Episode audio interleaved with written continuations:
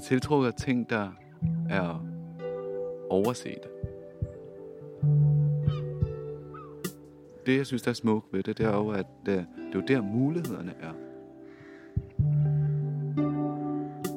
Og jeg vidste jo ikke det der med at observere en have, eller en skov, eller vand, at, øh, at det er en rejse i sig selv. Og det er en rejse, man går glip af, hvis det er, at man ikke er der uh, hele tiden til at se forandringer.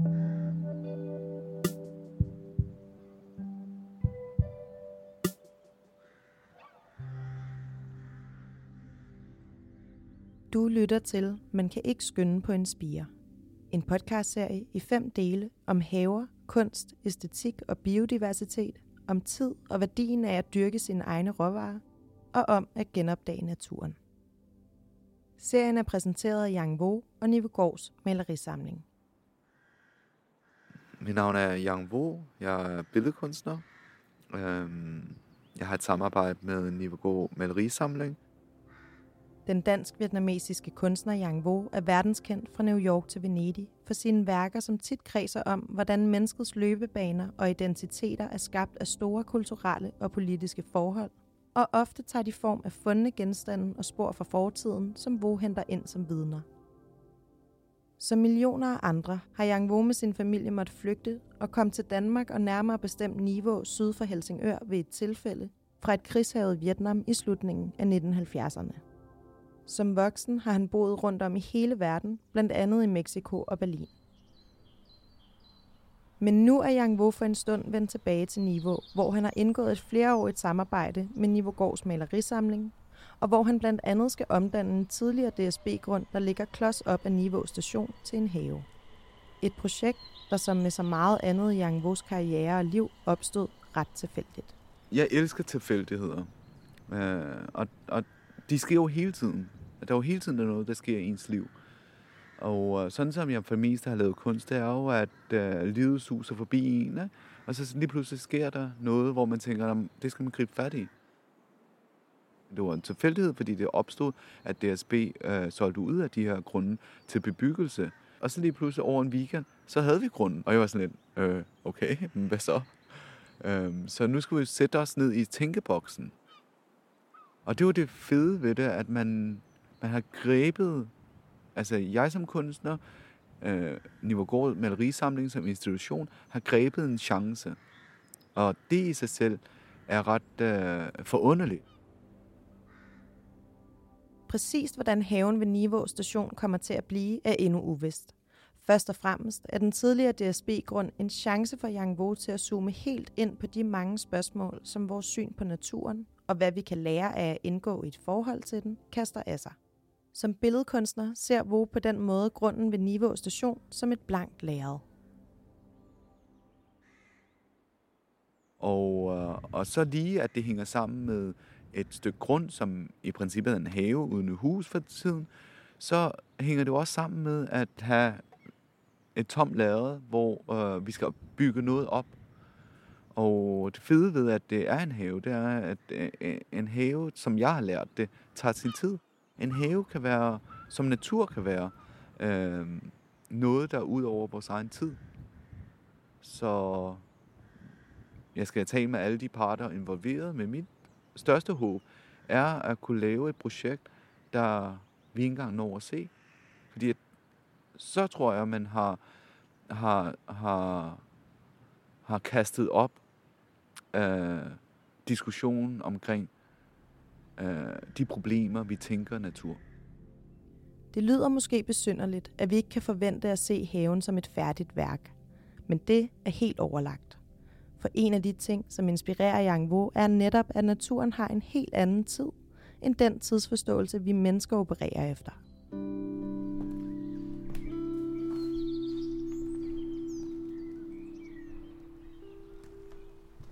Det, der er interessant ved haven, det er, at den springer masser af rammer. Den springer masser af forestillinger, både for mig, men også for andre mennesker. Og det er jo der, tingene er interessante. Når tingene er i, i spænd, og når tingene ikke er defineret. Og der er alle de muligheder, der ligger i det. Og dem skal vi ikke slå ihjel med det samme. Vi skal nyde det. Og lad os gøre det i et lille stykke tid. Men vi skal lære først. I det hele taget er Yang Vos liv hen over de sidste fire år på mange måder blevet overtaget af havearbejde. Så ideen om at lave en have i samarbejde med Niveau Gårds malerisamling har på ingen måde ligget ham fjernt. Det hele startede dengang Vo satte sig for at bygge et arkiv til sine skulpturer og endte med at erhverve sig et landsted placeret mellem en kompoststation og en kyllingefarm nord for Berlin. Dengang vidste Yang Vo ingenting om at pleje en have eller dyrke grøntsager, men alligevel besluttede han sig for, at den store landgrund ikke skulle gå til spilde. Det var jo det var virkelig praktisk orienteret. Jeg købte jo øh, ejendommen for at lave et arkiv, øh, altså et studie øh, for øh, min produktion som kunstner. Så er jeg totalt praktisk øh, øh, person, så jeg tænkte, om der er jo øh, land med. Altså skal det bare stå der og whatever, ikke? Altså, men så jeg besluttede mig for at hyre en, øh, en gartner, deltidsgartner, til at stå for det arrangement, fordi jeg kender overhovedet ikke noget til natur. Øhm, og ved at være i naturen, så opdager man meget simple ting. Man opdager, eller jeg opdagede, at øh, de 50 fugle, eller hvor mange der er, der står og synger øh, ude for ens vindue, at man ikke engang kender navnene på det. Og ting, der gror op på landet, øh, altså blomsterne, græsset, øh, ukrudten, whatever, jeg havde intet viden omkring det. Og det spejler sig jo så, øh, altså det giver en en forståelse af, hvor man står i livet. Ikke? Og at jeg tænkte, mm, jeg kender navnene på masser af museumdirektører, gallerister, kuratorer, kunstnere, whatever. Men jeg kendte intet til natur. Altså, og øh, det tror jeg var en ret chokerende oplevelse. At, øhm, at jeg havde så lidt viden omkring det. Så jeg tænkte, i en alder af, hvad må jeg have været, 40 eller sådan Lidt ældre at der, der er stadigvæk lidt tid, så, så måtte jeg øh, på skolepengen igen ikke? og studere.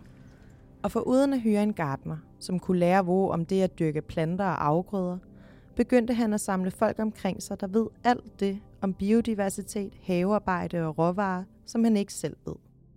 Og da Louise Fagerskov, der leder organisationen Art 2030, så at havearbejde begyndte at overtage Yang Vos praksis, opfordrede hun ham til at opsøge nogle af de kokke- og naturentusiaster, som i de senere år har drevet det nye nordiske køkken frem. Jeg har haft en dialog med Art 2030 øh, igennem mange, mange år. Louisa Fagersko har besøgt mig i mit studie i Berlin, hvor hun set, at jeg har investeret meget tid, mange penge, i kun at lave havearbejde. Og hun tænkte jo, så hun tænkte, at øh, jeg skulle møde nogle folk, der også interesserer sig for øh, hvad, altså at man arbejder med jorden og se, hvad der gror op. Men at jeg så skulle møde nogle folk i Danmark, som, øh, som måske kunne være interessant for mig. Og øh, jeg flyttede ud af, af, af Danmark øh, i 2000, så jeg gik glip af hele det nordiske køkkenmovement. Så hun sagde, Jan, du skal møde nogle af de her kokke, fordi det var det, de har beskæftiget sig med i 20 år. Og du skal møde videnskabsmænd, du skal møde folk, der interesserer sig for klima, fordi der er en mangel af det i kunstverdenen. Det skete så, at jeg mødte øh, kokke og videnskabsmand, som jeg var totalt draget af, fordi at det ikke, ikke kun, at de havde en masse af viden, som var interessant for mig, men også bare, at de var fede mennesker.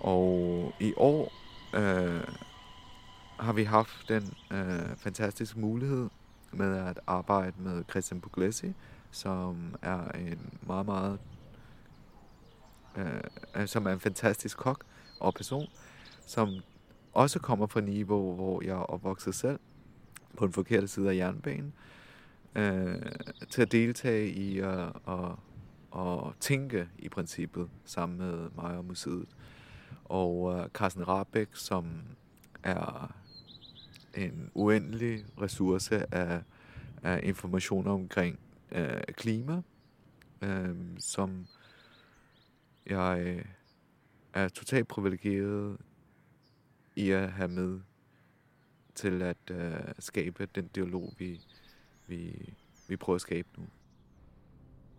Og det med at krydsbestøve viden og indsigt med andre er helt centralt for Vore. Både i hans virke og liv, og for de projekter, han og Nivågårds malerisamling søsætter i år. Jeg, altså, jeg har igennem hele min øh, kunstneriske karriere øh, øh, elsket samarbejde. Og øh, altså, jeg har jo en filosofi omkring, at øh, som i livet og som i arbejde, så, så hvis der er nogen, der konkurrerer, så tager jeg gerne opvasken. Og øh, hvis de fejler i det, så tager jeg over. Ikke? Så det, det er en model, hvor jeg prøver at samarbejde med folk, hvor jeg elsker virkelig det der med, at man har de kvalificerede folk til at drive en. Så, så, så, så, så skal jeg nok være støttepælene i det, eller gøre, øh, lave papirerne. Det er ret dårligt til dog. Men øh, whatever, der skal til. Ikke? Jeg var opvokset i en familie, hvor, hvor man bare støttede hinanden i forhold til de ting, man gjorde. Og, øh, og i det her tilfælde er det jo, skal jeg tage rollen som opvasker, fordi at jeg har, jeg har ikke ret meget viden omkring det. Men jeg tror, jeg kan tilføje øh, nogle andre ting til det. For der er masser af bindeled mellem æstetik og vores faglige nysgerrighed, og så alt det, han endnu ikke ved om natur, klima, råvarer og biodiversitetskriser. Bindeled mellem det at spørge til tid, begær og kultur, og til at lave haver til skulpturer, at søge efter liv i åløb og lægge kartoffelmarker op af indkøbscentre – men det kræver, at vi sætter os ned på skolebænken og lærer sammen med Yang Wu. Jeg siger jo altid, øh, jeg er den, der er på skolebænken, så jeg er her for at lære, og det var er et stort privilegie, at vi har kunne få Christian Puglesi, Carsten Rabeck til at deltage i det her projekt, fordi at ikke kun mig, men også museet, øh, har brug for at øh, have mere viden, til at have nogen, der ved noget om det her, til at guide os. Og det vil de gøre i resten af den her podcast-serie. I næste episode tager Yang Vo og Carsten Rabeck ud på tur langs Nive Å og taler om vand, liv og om, hvorfor den danske natur ikke er helt så naturlig, som vi går rundt og tror. Du har lyttet til Man kan ikke skynde på en spire, en podcastserie i fem dele, udgivet af Niveau Gårds malerisamling. Jeg har produceret serien for Another Imprint. Mit navn er Christina Leonora Steffensen. Min lyddesigner er Sofia Rønde Stork, og musikken er lavet af Jakob Andersen.